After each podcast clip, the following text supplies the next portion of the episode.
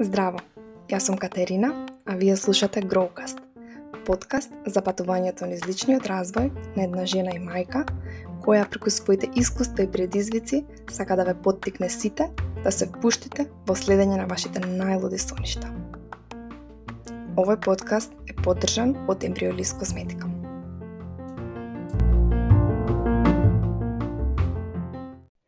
Здраво на сите и добре дојдовте во новата сезона на мојот подкаст. Оваа прва епизода ја снимам со огромна насмевка на моето лице, но и со многу возбуда. Пресрекна сум што конечно седнав и ја снимив епизодава зашто многу долго го одложував почетокот на снимањето на подкастот. Искрено пред да почнам со снимање мисле дека ќе биде многу лесно и во еден здив ќе ја снимам оваа епизода, не беше така воопшто. Многу пати се снимав, преснимував, почнував од почеток, бришев, Други еднаш ја објавив првава епизода, па се предомислив, ја избришав и еве ме, сега ја снимам пак. Инаку не снимам од професионално студио, туку од мојата спална соба и затоа можеби во текот на а, епизодите ќе се слушне чкрипење на столче, деца како си играат надвор или пак мачорот како мјаука. Меѓутоа, а, ништо од тоа не е причина а, да запрам и јас само продолжувам понатаму и само го подигам квалитетот на овој подкаст а, се повисоко и повисоко. А, долго време одложував, но а, не поради тоа што имав проблем со а, набавување на опрема или пак а, не можев да најдам време за снимање, напротив, со опрема се обезбедив уште пред два месеци а, јас отворено си побарав спонзор на еден од моите лајвови и спонзорот ми се јави, а, ме обезбеди со опрема и е, ја сетирав и научив и нешто ново и од тој цел процес на сетирање, на симнување на програм и така натака. И таму имаше предизвици, меѓутоа јас сето тоа го гледам како а, едно ново искуство и нешто ново научено. Тоа воопшто не беше проблем за да почнам, А, проблем беше тоа што едноставно ми требаше повеќе време додека да се ослободам од сите отпори дека е време да снимам сама. И искрено немав намера да да споделам, меѓутоа мислам дека е важно да се знае дека сите имаме отпори, дека никој не е совршен, колку и тоа да се чини дека не е така и дека мене ми оди лесно појавувањето и зборувањето. А, секој од нас има отпори и мене овие отпори ми се јавија некое време откако објавив дека ќе снимам подкаст. Со нив се борев неколку месеци и на моменти сакав да снимам, на моменти не сакав. Се уваше во мене некое гласче и ми велеше па што ќе речат другите, која си пати да снимаш подкаст, што имаш ти да кажеш. И бидејќи не ми е прв пат ова да ми се случува да се чувствувам така, знае точно што треба да правам И од таа причина буквално не сакав да се форсирам и знаев дека ќе дојде правиот момент за снимање. А, во такви моменти, она што го правам е не правам ништо, додека не се почувствувам подобро. Едноставно тој внатрешен глас го сватив како нормален дел од процесот, секогаш кога почнуваме да правиме нешто ново, нешто кое не возбудува, а, не, нешто кое го правиме за прв пат и нешто кое многу не значи и по некое време со будењето на пролетта се разбуди и некој дел од мене, кој полека го смени внатрешниот диалог и реши дека времето е сега. По долго размислување решив дека оваа сезона ќе имам ќе ја снимам и сама и со гости. И тоа во моментот ми се чинеше како најдобар следен чекор, бидејќи а, се друго би било преголем притисок и товар. Освен тоа што епизодите ќе бидат комбинација од епизоди каде сама ќе зборувам на одредени теми и епизоди каде ќе има гости, друга промена е името на овој подкаст. Um, овој подкаст започна под името Свесни разговори, на тој начин што јас снимив 13 Instagram live епизоди, а, односно а, Instagram lives ги конвертирав во аудио а, файл и потоа тој го аплодирав на платформите за подкасти. И на тој начин многу спонтано излезе еден интересен серијал од 13 епизоди, разговори со инспиративни жени од различни области, кои што лично мене ми беа од интерес, но сметав дека и на мојата заедница ќе бидат од интерес, но и од корист. И, и некако свесни разговори за мене беа одскочна даска едно огромно излегување од зоната на комфорот, кое го правев секој месец, што е доста често. излегува во живо пред целата моја публика, изборував, едно таму ме гледаа и луѓе кои никогаш до тогаш не ме виделе, затоа што имав секоја, секој месец нов гостин. Така ме запознаа и многу повеќе луѓе со тоа што излегува во живо, многу стравови надминав, а, се ослободив многу при моето а, говорење јавно и навистина може да се забележи таа разлика доколку ја погледнете првата епизода од моите подкасти и последната епизода, ќе видите дека дефинитивно разлика се гледа. А, новата сезона сакав да има поинакво име, затоа што сакав на вистина да ме отсликува мене и содржините кои ќе ги пласирам, а сметам дека повеќе името свесни разговори не го прави тоа.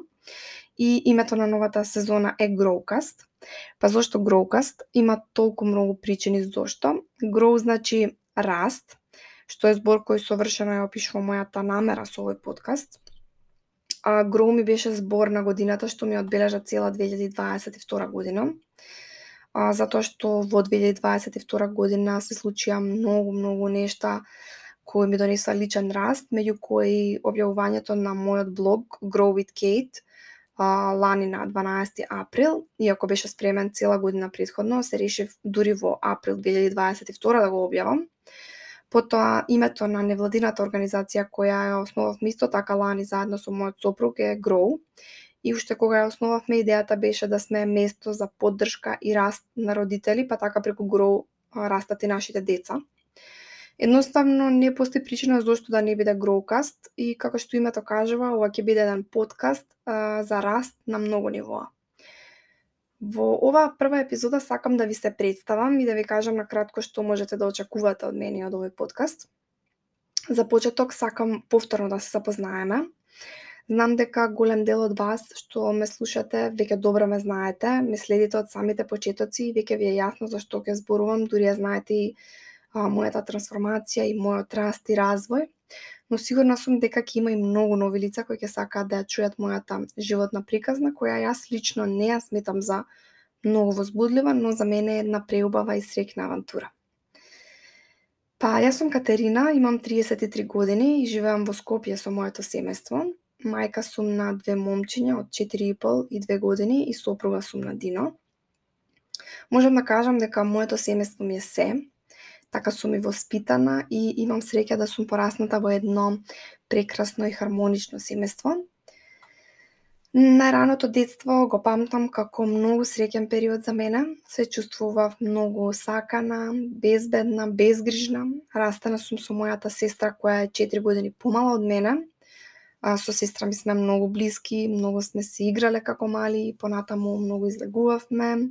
А сега и двете со своите семејства живееме а, многу близко една до друга. Како мала сакав да бидам водителка, докторка, манекенка, пеачка. Сакав да се дотерувам многу, да се шминкам, да носам штикли од мајка ми. Со баба ми дедо ми често си играв како водаме мисии или квизови на телевизија и се сеќавам дека и викав на баба ми дека кога ќе пораснам ќе ја возам во мојот црвен кабриолет. А, моите родители има многу, имаат многу пријатели а, и во тоа време тие пријатели беа со мали деца на наша возраст, па постојано се дружевме со нив. Секоја година одевме на зимски и на летен одмор и моето детство е полно со преубави спомени и сум преблагодарна а, за моите родители. Без нив немаше да бидам она што сум денес а, на денот на свадбата решив да ги изненадам и им подарив подароци а, персонализирани. На мајка ми подарив ланче на кое ги изгравирав зборовите се што сум денес, тебе ти должам. А на татко ми му направив а, изгравиран чекан кој што е предвиден да биде украс, на кој изгравирав ти благодарам што ми помогна да го изградам мојот живот. И нормално имаше доста солзи во тој момент. А моите родители се луѓе кои ден денес а, живеат со полни гради, постојано создаваат нови спомени, патуваат, се грижат за себе, имаат многу пријатели и воедно имаат подобар социјален живот од мене. А, биле и се пример за еден прекрасен партнерски однос, пример за однос според кој јас го имам избрано мојот животен партнер и преблагодарна сум за нив и за примерот за љубовта, но и за љубовта која неизмерно ни ја даваа на мене и на сестра ми. А, моите родители уште пред да се родители а, имале своји бизниси кои функционираат се уште до ден денес. И поради тоа што тие се прва генерација на собственици на бизниси во нивните семејства, многу учеле во од, значи тековно, и од таму јас и сестра ми го имаме тој мајндсет, тој бизнис мајндсет или мајндсет на раст. А, тие буквално можам да кажам дека од секогаш правеле од едното две, создавале, создале многу, а почнале од нула, ни овозможиле прекрасен живот и одскочна даска за многу успеси, но сметам дека најмногу од се ни дале пример. А, некои работи не би ги направила како нив и денес не ги правам на тој начин за моите деца, но не ги осудувам нито обвинувам. Тие го правеле дефинитивно најдоброто што го знаеле во моментот. Има доста работи за кои моите не ме научиле, а би било убаво кога би ги знаела од порано, па затоа јас би сакала да ги научам на време моите деца. Но како и да е ќе зборувам надолго и на широко на оваа тема во некоја посебна епизода. Периодот на основно училиште го паметам како доста безгрижен и среќен период. Бев одлична ученичка, имав супер однос со наставниците, имав многу другари и другарки, многу се дружевме, класот ми беше ден погоден, правевме забави, се собиравме по дома, низ населба и ни беше стварно преубаво но многу подоцна во текот на работата на себе сватив дека сум а, доживувала булинг во основно училиште кој го памтам, но веројатно намерно не сум сакала да се присеќам на него. Во основно училиште посетував доста активности некое време а, и многу менував, пробував и мојата ми дозволува сама да ги изберам активностите. Одев на балет, на модерен танц, на латино танц, на игроорна, на музичко со феши пијано. Пијано свирев две години. Одев на англиски 8 години, одев на пливање и на крај карате. Каратето е моја прва љубов. Тренирав од 8 години до 20 години. Имам црн појас втори дан и имам над 50 медали, од кои добар дел се на светски првенства. А, најголема благодарност до мојот татко кој ме тераше и мотивираше да одам на тренинг и тогаш кога не ми се одеше. Искрено, може би тоа во тој момент ми изгледало како форсирање, но да не бил тој, немало сигурно да го постигнам тој успех. Средното училиште ми беше исто преубав период со многу нови другарства, првите врски, излегувања, пијанства, екскурзии, кафиња, бегање од часови, а бев и тогаш одлична ученичка и повторно булинг. А, јас знам дека на мојата самодоверба многу има влијаено булингот и затоа ќе направам се што можам да ја погренеме свеста на оваа тема. А, јас бев и дел од младинската организација на моето средно училиште и преку таа организација бев дел од тим кој организираше доста проекти. А, во средно училиште одев и на часове по албански јазик и тоа траеше 4 години доста научив, но сега имам заборавено, можам одредени работи да разберам, но не знам и да одговорам. На факултет се запишав на сметководство, на сметководство и ревизија под влијание на мајка ми и незиниот бизнис, како професија со која би имала најмногу опции. Завршив сметководство и ревизија на Свети Кирил и Методи факултетот, а подосна и магистрирав. Факултетските денови ги паметам како период на многу другарства кои се уште траат, на многу убав нокен живот, на абсолвентска екскурзија, долги часови учење и многу непроспиени ноќи покрај книгите. А, додека бев на факултет, никогаш не се посомневав дали ова е тоа што сакам да го работам во животот. Едноставно, за мене тоа не беше воопшто под знак прашалник. А, тие мисли ми дојдоа доста подоцна. Додека бев на факултет, имам една подолга врска која а, беше, да речеме, некоја детска љубов и од која многу научив. Со тек на време престанав а, да ја гледам таа врска како изгубено време, напротив, како нешто што сум морала да го проедам за да пораснам и нешто што ме донало до мојот сопруг денес. И верувам дека се што се случува во нашиот живот е за наш најголем раст и дека со партнерите кои ги имаме во животот, на вистина било потребно да се сретнеме во животот, затоа што требало нешто да не научат, да, на, да научиме некоја лекција и ние и тие и потоа да продолжиме. По завршувањето на факултетот започнав да работам во бизнисот на мајка ми, каде научив сметководство. Искрено сметам дека немаше подобар ментор и учител за мене од мајка ми. Во меѓувреме бев одбрана да бидам дел од школата за млади лидери, која беше под покровителство на тогашниот председател Георги Иванов. И тоа за мене беше едно искуство кое ми донесе многу контакти, но и спознавање на нови начини на размислување. Тогаш за прв пат запознав млади луѓе кои живеат поинаку од тоа како јас живеев. Тоа беа амбициозни, млади и успешни луѓе, исклучително елоквентни и полни со идеи и од тогаш а, имав мини шифт во мајнцетот и почнав да посакувам повеќе за себе, а тоа значеше и повеќе работа на себе. Кога завршуваше школата, добив една понуда за работа во една британска компанија, а во исто време ги почнав магистерските студии. По неколку месеци го прекинав договорот со таа компанија, зашто ми беше многу тешко од аспект на немање стабилен ментор, немање соодветна поддршка, премногу формална структура, И иако бев одлично платена, јас решив дека нема да трпам неправда и дека ако не можам да ги сменам луѓето околу мене, време е да сменам околината. Тогаш сватив дека јас не сум за компанија со многу цврсто поставени процеси или формалности и дека сум повеќе за некоја стартап култура. Во периодот кога го прекинав договорот со таа компанија, ја прекинав и мојата 6 годишна врска и отидов сама на патување во Шведска и тоа кај девојка која беше тотален странец во тој момент за мене. Ја знаев само преку Инстаграм. А, поминав неверојатна недела со неа и се уште сме пријателки, ми беше на свадба и нашиот однос е одличен. А, кога се вратив, веќе бев нов човек, а, решив дека тоа е тоа и дека одлуката за прекинување на врската е конечна, затоа што предходно многу пати не беше. И во следните неколку месеци излегував, запознавав нови луѓе и го запознав Дино. И ако се знаевме од многу порано, тогаш некак тогаш имавме и двајцата други партнери, но овој пат животот не средна повторно и двајцата бевме сингл. Излеговме и уште на првиот дет ја знаев дека тоа е тој и многу интензивно почна нашата врска почнавме веднаш да се запознаваме со родителите, а после непол месец отидовме на одмор заедно и бевме стварно неразделни на почетокот. И по една година Дино ме побара за жена, се вселивме во стан заедно. А нашиот прв заеднички стан беше а, станот всушност со кој јас започнав посериозно да се бавам со а, Инстаграм, со мојот Инстаграм профил, а, објавував слики од станот, а, добив некои соработки кои што беа поситни соработки. А, меѓутоа, така го памтам тој период кога се вселивме во тој наш стан како еден преубав период, а, уживање, дружба со пријатели, уредување на, на прв стан заедно, имаше многу патувања, забави и тогаш се уште Инстаграм ми беше некако хоби.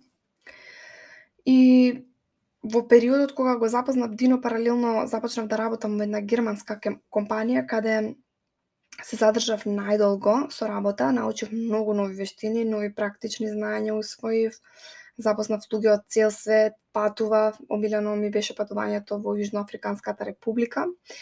И сето тоа беше додека не се остварив прв пат како мајка, односно след раѓањето на Матео. И тогаш ми се случи буквално пресврт, некое освестување. А, и гледајќи сега наназад, ми изгледа како пред тој момент јас животот да сум го живеела тотално несвесно. Кога се вратив на работа, веќе бев друг човек и не сакав да ги трпам истите работи што ги трпев предходно.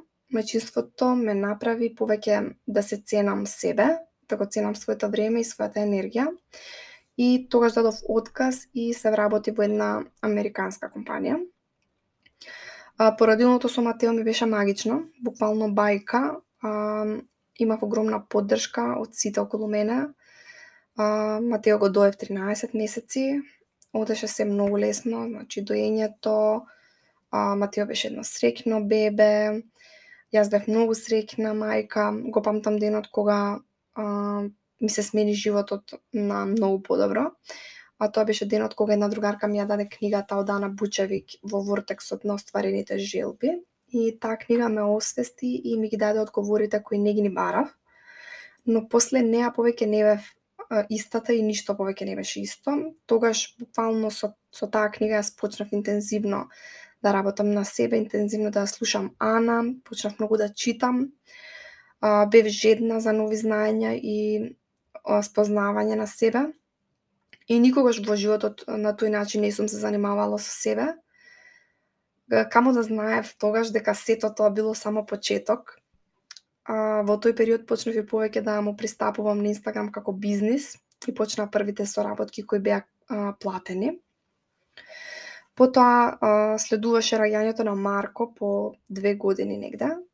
А, тоа беше веќе next level и иако порадилното ми беше доста потешко, бидејќи бев со двајцата, Матео не одеше во тоа време во градинка затоа што си уште беше ковид. А, сепак во мене се раѓаше некоја желба дека сакам повеќе од животот и дека заслужувам повеќе и дека можам повеќе. И при крајот на породилното почна да ми доаѓаат идеи, некој нешто за бизниси. Се поврзав со нови луѓе преку мојот Инстаграм профил. И почнав да водам поинакви разговори, да комуницирам со поинакви луѓе. А и годината ја завршив со ново работно место, каде што работам и денес, и со започнување на нова фаза од мојот живот, односно таа фаза на интензивен раст. А, компанијата во која работам е до сега најдоброто работно место за мене. Компанија која ме цени, ме вреднува, ми дава признание за мојата работа, ми дозволува да сум автентична, да го искажам своето мислење и да имам и доза на флексибилност. Но со започнувањето на оваа нова фаза од мојот живот сватив дека јас не мора драматично да дадам отказ и да почнам повторно да се барам себе си, Тука едноставно може дека ја работам работата која ми ги плаќа сметките, да работам и на себе и да го градам животот за кој сонувам. И тоа и сакам да ви го пренесам преку овој подкаст. А, сето ова не значи дека сум јас неблагодарна, напротив, поблагодарна не можам да бидам, точно си ги знам сите мои благослови и сум пресрекна. Во 2022 а, доживеав голем раст. А, мислам дека ми треба цела епизода за таа година. А, интензивно работев на себе, интензивно излегував од зоната на комфорт секој ден. А, ке спомнам само на кратко нашата невладина организација, која што е нашето трето дете, а, која со супругот ја основавме буквално преку ноќ. А, но не за джабе е речено дека се се случува со причина. Јас веќе ги имав сите документи спремни за да основам невладината уште пред 10 години, но тогаш а, не се сеќавам што се случи со откажавме од идејата Сега само ги ископав документите од стари мејлови, ја најдов цела документација, сменив податоци и ги поднесовме во рок од два дена. Со нашата невладина организација ги имаме двата проекти. А, првата трка со баланс велосипеди и првата онлайн конференција за свесно родителство во Македонија. Е, така дојдовме до денес денес сум тука, некои денови се чувствувам дека ништо не сум постигнала, дека тапкам во место и тогаш ми треба да се подсетам од каде до каде дојдов. А, во моментот се фокусирам на подкастот и да ги завршам сите купени, а не преслушани курсеви. Си ветив дека нема да почнувам ништо ново, дека не завршам се што имам. И на кратко тоа е она што би го што би сакала да го знаете за мене а, многу повеќе следува во следните епизоди. Се надевам дека уживавте и се слушаме во следната епизода. Поздрав!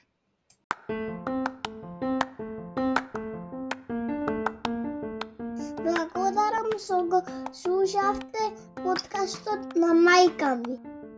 Ако ви се допадна оваа епизода, можете да направите неколку нешта.